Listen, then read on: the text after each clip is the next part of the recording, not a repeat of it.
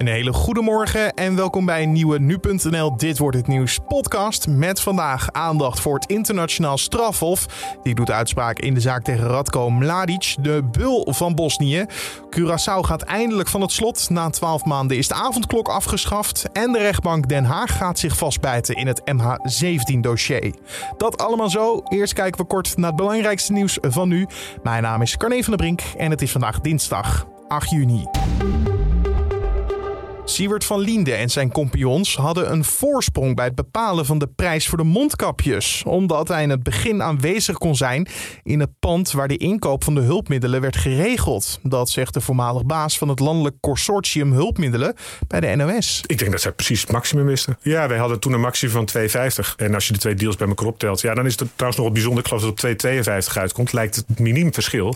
Die 2 cent is 8 ton, geloof ik, of zo. Dus het zijn natuurlijk nog wel aardige bedragen. Maar... En dat heeft hij kunnen oppikken door rond te lopen. Ja, ja. Volgens hem was de hele overeenkomst met een waarde van zo'n 100 miljoen euro ook helemaal niet nodig, omdat er inmiddels genoeg hulpgoederen waren geleverd. Uh, later is hij inderdaad met een deal gekomen. Dat is echt al 20 dagen later, hè? dus echt wel een stuk later. Wat eigenlijk een kopie was van ons. Maar wij waren alweer 20 dagen verder. En in die 20 dagen hadden we vluchten geregeld. Wij hadden al mondkapjes geregeld. Ik zei wel eens, Sievert is er het over praten en wij hebben het al geregeld. Van Linde zou ook geen betrouwbare partner zijn geweest. Zo loog hij over het tekenen van een geheimhoudingsverklaring waarin stond dat partijen zonder winstoogmerk zouden werken. En toen ben ik naar ze toe gegaan, uh, s'avonds voordat ik naar, het, uh, naar huis ging. En ik zeg, uh, jongens, jullie hebben toch die, die brief wel, wel ondertekend?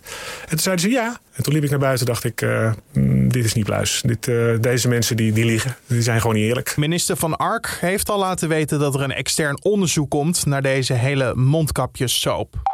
Conducteurs en machinisten maken zich zorgen over het agressieve gedrag van reizigers en de slechte naleving van de coronaregels in de trein. Dat blijkt uit gesprekken die nu.nl met meerdere conducteurs voerde en vakbond CNV bevestigt dat beeld. Met name als reizigers worden aangesproken op de mondkapjesplicht levert dat vaak discussies op. Meer dan de helft van de ondervraagde conducteurs zegt agressie in de treinen of op rons ervaren te hebben, maar slechts een kwart van de conducteurs meldt dit ook bij hun werkgever. Ziekenhuizen zien af en toe dat coronapatiënten met een zwakke afweer worden opgenomen, terwijl ze volledig gevaccineerd zijn. Daarom onderzoeken ze of kwetsbare patiënten meer prikken nodig hebben om goed beschermd te zijn tegen het coronavirus. Zo schrijft het AD. De ziekenhuizen onderzoeken bijvoorbeeld mensen die worden behandeld voor kanker. Van ongeveer 800 mensen wordt vier weken na de tweede vaccinatie de afweerreactie gemeten. Ze hopen dan te zien welke patiënten geen goede respons hebben. De ziekenhuizen zien gewoon dat de vaccinaties bij de meeste mensen wel goed werken. Vier personen zijn in de Canadese stad Londen doodgereden omdat ze moslim waren. Bij de fatale aanrijding van zondag viel ook een gewonde. Dit vijfde slachtoffer, een 19-jarige jongen, ligt nog in het ziekenhuis, zo meldt de politie. De 20-jarige verdachte reed na zijn daad door. Agenten arresteerden hem later bij een winkelcentrum. En de politie denkt dat hij zijn slachtoffers aanviel vanwege hun religie. De burgemeester spreekt van een massamoord gepleegd tegen moslims. En dan kijken we naar de dag van vandaag. Oftewel, dit wordt het nieuws. Het Joegoslavië-tribunaal in Den Haag doet vandaag uitspraak in de zaak tegen Radko Mladic. De oud-legergeneraal werd al eerder veroordeeld, maar ging tegen zijn straf in beroep. Thijs Bouwknecht, onderzoeker bij het NIOD, volgt deze zaak al jaren. Mladic uh, wordt ook wel de slager van Bosnië genoemd. En uh, hij was een belangrijke speler in de oorlog in het voormalige Joegoslavië, begin jaren negentig. En uh, was in die tijd een generaal en een legerleider. En stond eigenlijk onder het directe gezag van de Servische autoriteiten en ook van de Bosnisch-Servische autoriteiten. En waar hij voor terecht heeft gestaan zijn voornamelijk de genocide, dus volkerenmoord, maar ook misdrijven tegen de menselijkheid en oorlogsmisdrijven ten tijde van dat conflict. En dan met name tussen 1992 en uh, eh, 1995.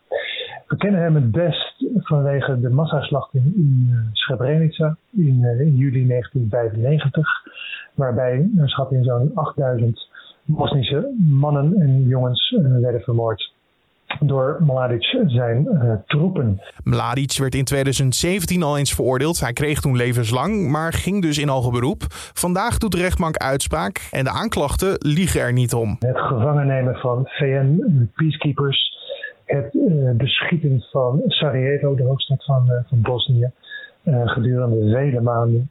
Maar ook misdrijven tegen de menselijkheid. Dus dan gaat het over vervolging, marteling en, en allerlei andere misdaden eh, die niet per se te maken hadden met de oorlog, maar wel gepleegd werden tegen burgers. Internationaal is er veel aandacht voor de zaak. Het gebeurt namelijk niet elke dag dat er iemand voor genocide voor de rechter staat.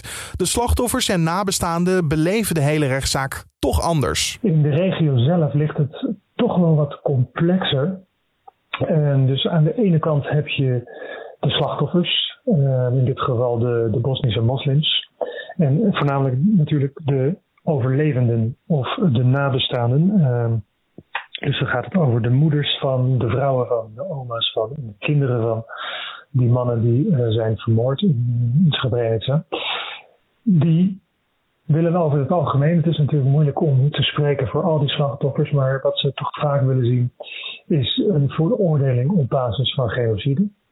Nou goed, die hebben ze in eerste aanleg al Um, en ze hopen er natuurlijk op dat die in uh, hoger beroep ook stand uh, blijft houden. Daarnaast zou je kunnen bedenken dat de slachtoffers van de misdrijven in uh, de zes dorpen in, in Bosnië in 1992 ook hopen op een genocideveroordeling. Die hebben ze nog niet.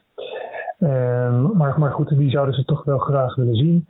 Omdat genocide toch wel een beetje te boek staat als het misdrijven der misdrijven. Later vandaag zal blijken of de straf van levenslang in stand blijft. Of dat hij toch een andere straf krijgt. Mocht Mladic het ook na vandaag niet eens zijn met de opgelegde straf. Dan zijn er vrijwel geen mogelijkheden meer om nog in beroep te gaan. In principe is de zaak vandaag gedaan. Met de uitspraak door de hoge beroepsrechters. Dus dat betekent dat uh, er hierna geen mogelijkheid is voor het Openbaar Ministerie nog Mladic om nog een keer beroep aan te tekenen. Dat is een beetje anders dan in Nederland, waar je, toch meerdere procedures nog kunt volgen. De enige mogelijkheid die er theoretisch nog zou zijn, is uh, dat Mladic om een herziening van het vonnis zou vragen. Maar dat zou alleen maar in het kunnen in het licht van uh, nieuwe bewijzen, maar ook echt zwaarwegende bewijzen. En eigenlijk zoveel jaar na dato, de misdrijven, uh, de laatste misdrijven is natuurlijk gepleegd in 1995, uh, zijn, de, de feiten toch wel eigenlijk wel echt bekend. Dus we moeten niet verwachten dat hierna nog, nog een volgende procedure komt. Dus dit is wel het sluitstuk op een proces dat lang heeft geduurd. Dat was Thijs Bouwknecht, onderzoeker bij het NIOD.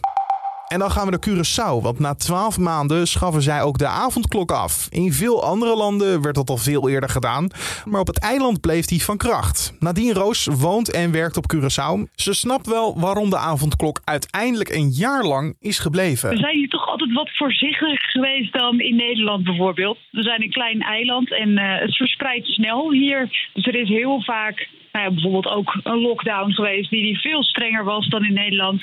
Want het loopt hier gewoon snel uit de hand. We hebben een lagere IC-capaciteit. Dus die is al snel overbelast. Het was echt uh, om de zorg te kunnen blijven ontlasten. De eilanders mogen nu dus weer onbeperkt de deur uit. De corona-uitbraak onder de bewoners is dus onder controle. Maar het virus is nog altijd niet weg. We hebben nou heel veel dagen eigenlijk geen besmettingen gehad. En nu hebben we alleen nog maar besmettingen. En dat noemen ze dan geïmporteerde besmettingen. Dus dat zijn uh, mensen die hier naartoe zijn gekomen en dan een antigeentest moeten uitvoeren eigenlijk op ons eiland. Maar dat is niet gekomen door verspreiding onderling. Dus dat is op zich wel een geruststelling. Uh, en met dat zicht ja, zitten we nu echt al onder de 20 actieve besmettingen. Dus er komt bijna niks bij en het daalt alleen maar nog steeds. Ondertussen gaat ook het vaccineren gestaag door. En dat begint ook zijn vruchten af te werpen. Ja, ja dat is toch echt wel iets wat uh, ja, in een fase zit waarin er een bepaalde groep is die je eigenlijk niet meer gaat bereiken. Of tenminste niet op korte termijn. Mensen die willen afwachten met vaccineren. Die dat misschien over een aantal jaar wel willen doen. Maar uh, op dit moment heeft 70% van de bevolking in ieder geval één vaccinatie gehad. En nou bijna ja, het, grootste, het allergrootste deel daarvan heeft ook allebei de vaccinaties al gehad. Allemaal goede berichten dus. Maar kunnen we nu ook weer onbezorgd op vakantie naar het eiland? Kortom, is alles weer bij het oude? Ja en nee. er zijn nog wel wat uh, nou, leuke dingen die, waar je s'avonds dus naartoe kan. Uh, bijna wel weer het gevoel van oud normaal. Maar dan is er toch altijd nog wel een uh, overheidscontrole. Bijvoorbeeld afgelopen zaterdag was ik ook ergens bij een happy hour op een strand. En dat werd toch rond een uur of half elf, elf uur werd het afgebroken, want er waren nog te veel mensen bij elkaar. Dat is nog wel een regel hier. Uh, de restaurants en beachclubs mogen maar 50% van hun capaciteit toelaten. Uh, daar willen ze nog wel eens overheen gaan. Ja, het is wel een feestje waar, waarop je opeens allemaal aan een tafel moet gaan. Het lijkt net dat een stoelendans. Er wordt omgeroepen, iedereen nu zitten. en uh, ja, dan is het een beetje afwachten of het door kan gaan. Uh, soms niet, soms wel. Je hoorde vanuit Curaçao Nadine Roos. De rechtbank Den Haag begint vandaag met het bespreken van het grote strafdossier over het neerstorten van vlucht MH17. Gisteren werd na ruim een jaar inleidende zittingen een begin gemaakt met de inhoudelijke behandeling van de zaak. Maar vanaf vandaag wordt het dossier op hoofdlijnen besproken. En dat gaat naar verwachting drie dagen duren. En dan over naar het weer van vandaag. Kan je nog steeds de korte broek uit de kast pakken vandaag? Dat hoor je van Alfred Snoek van Weerplaza. Ook vandaag begint de dag op heel veel plaatsen met een strak blauwe lucht. De temperatuur loopt snel op en bereikt vanmiddag waarden tussen 21 en 24 graden. In Brabant en Limburg kan het zelfs op diverse plaatsen zomers warm worden met zo'n 25 graden. De wind waait uit noordelijke richtingen en daardoor is het in het Waddengebied vaak wat minder warm. En daar met name is er ook risico op wat laaghangende bewolking of mist die af en toe vanaf zee het strand op komt zetten. Dankjewel Alfred Snoek van Weerplaza. En om af te sluiten nog even dit, want het gaat goed met de economie. Nederlanders hebben in mei voor het eerst in coronatijd meer geld uitgegeven dan voor de coronapandemie. Volgens cijfers van de Rabobank werd er in mei 1% meer uitgegeven dan twee jaar geleden, toen de coronacrisis nog in geen velden of wegen te bekennen was. Vergeleken met dezelfde maand vorig jaar werd er bijna 13% meer besteed. De verklaring hiervoor zijn alle versoepelingen en dus de heropening van de economie. En we geven meer geld uit in de supermarkten en elektronicazaken. En tot zover deze Dit wordt het nieuws podcast voor de dinsdag 8 juni. Je vindt ons in de ochtend en middag op de voorpagina van nu.nl en natuurlijk in je favoriete podcast app. Vergeet je niet te abonneren, volkomen gratis en zo staat hij elke dag voor je klaar. Mijn naam is Carne van der Brink. Een prachtige dag vandaag en tot de volgende.